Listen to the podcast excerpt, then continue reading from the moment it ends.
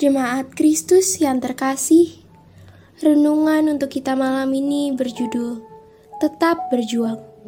Dan bacaan kita diambil dari kitab Filipi 1 ayat 27 sampai 30. Beginilah firman Tuhan.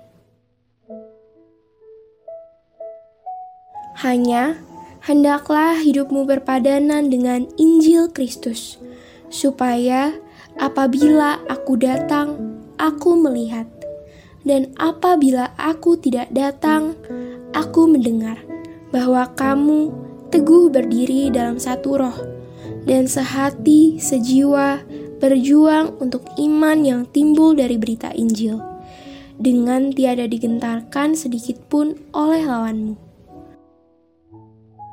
Bagi mereka, semuanya itu adalah tanda kebinasaan tetapi bagi kamu tanda keselamatan, dan itu datangnya dari Allah.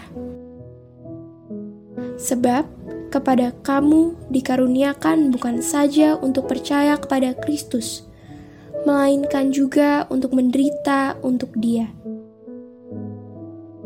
Dalam pergumulan yang sama seperti yang dahulu kamu lihat padaku, dan yang sekarang kamu dengar tentang aku.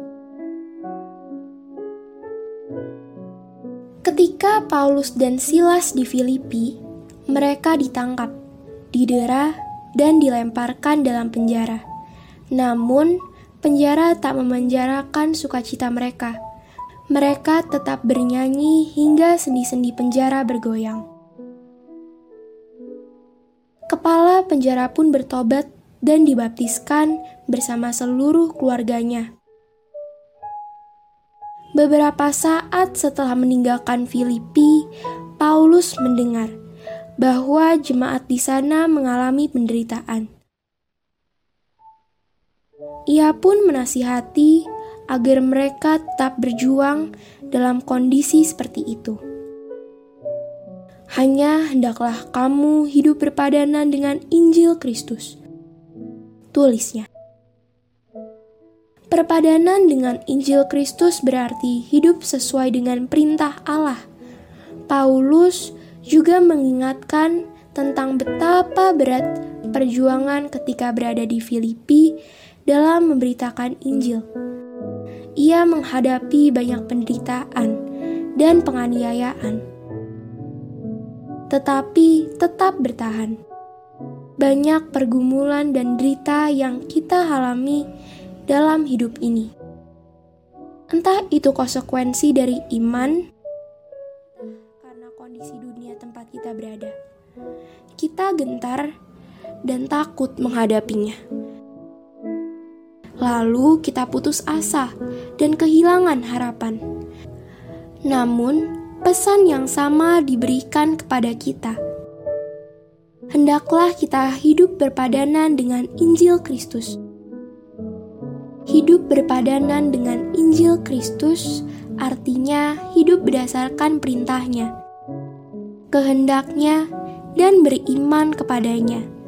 Kita pun harus menyadari bahwa kita dikaruniakan bukan hanya untuk percaya kepada Kristus, melainkan juga untuk menderita bagi Dia. Dengan pemahaman ini, kita tak akan kecewa dan putus asa saat penderitaan atau penganiayaan menimpa kita. Pengalaman sulit dan penderitaan yang berhasil kita lewati dapat menguatkan mereka yang mengalami hal serupa. Demikianlah renungan kita malam ini.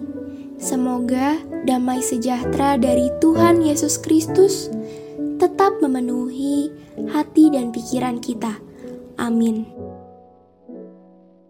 Jemaat yang terkasih, mari kita bersatu hati menaikkan pokok-pokok doa yang ada dalam gerakan doa 21 GKI Sarwa Indah. Mari berdoa.